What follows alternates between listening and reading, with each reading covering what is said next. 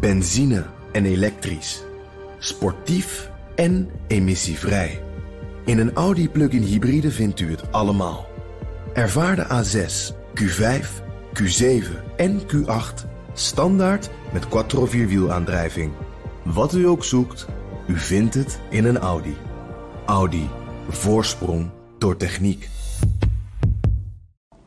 Volgens het Witte Huis staat op Donald Trumps agenda voor vandaag een ontmoeting met zijn Oekraïense collega Vladimir Zelensky in de marge van de Algemene Vergadering van de Verenigde Naties hier in New York.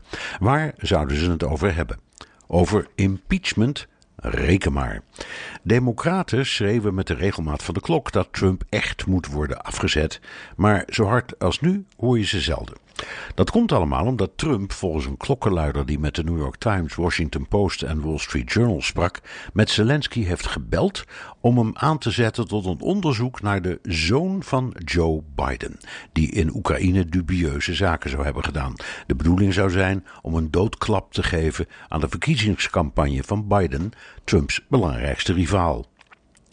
Trump geeft toe dat hij met Zelensky over Biden heeft gesproken, maar hij ziet niet in wat daarop tegen is. Daar wringt de schoen in elk geval in de ogen van de Democraten.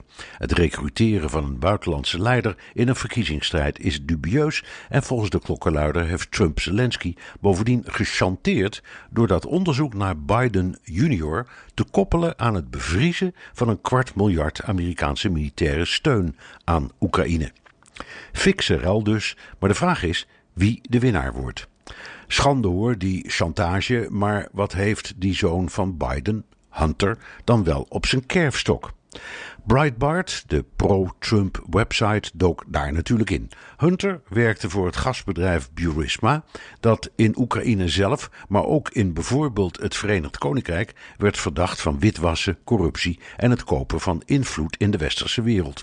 Hunters vader, Joe Biden, toen vicepresident, was Obama's speciale gezant voor Oekraïne. De vraag is dus wie hier nu ernstiger wordt beschadigd: Trump of Biden.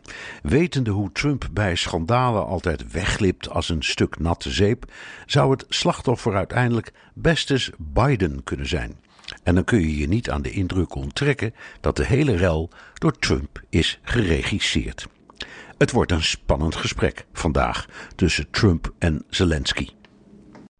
Benzine en elektrisch. Sportief en emissievrij. In een Audi plug-in hybride vindt u het allemaal. Ervaar de A6, Q5, Q7 en Q8 standaard met quattro vierwielaandrijving. Wat u ook zoekt, u vindt het in een Audi. Audi. Voorsprong door techniek.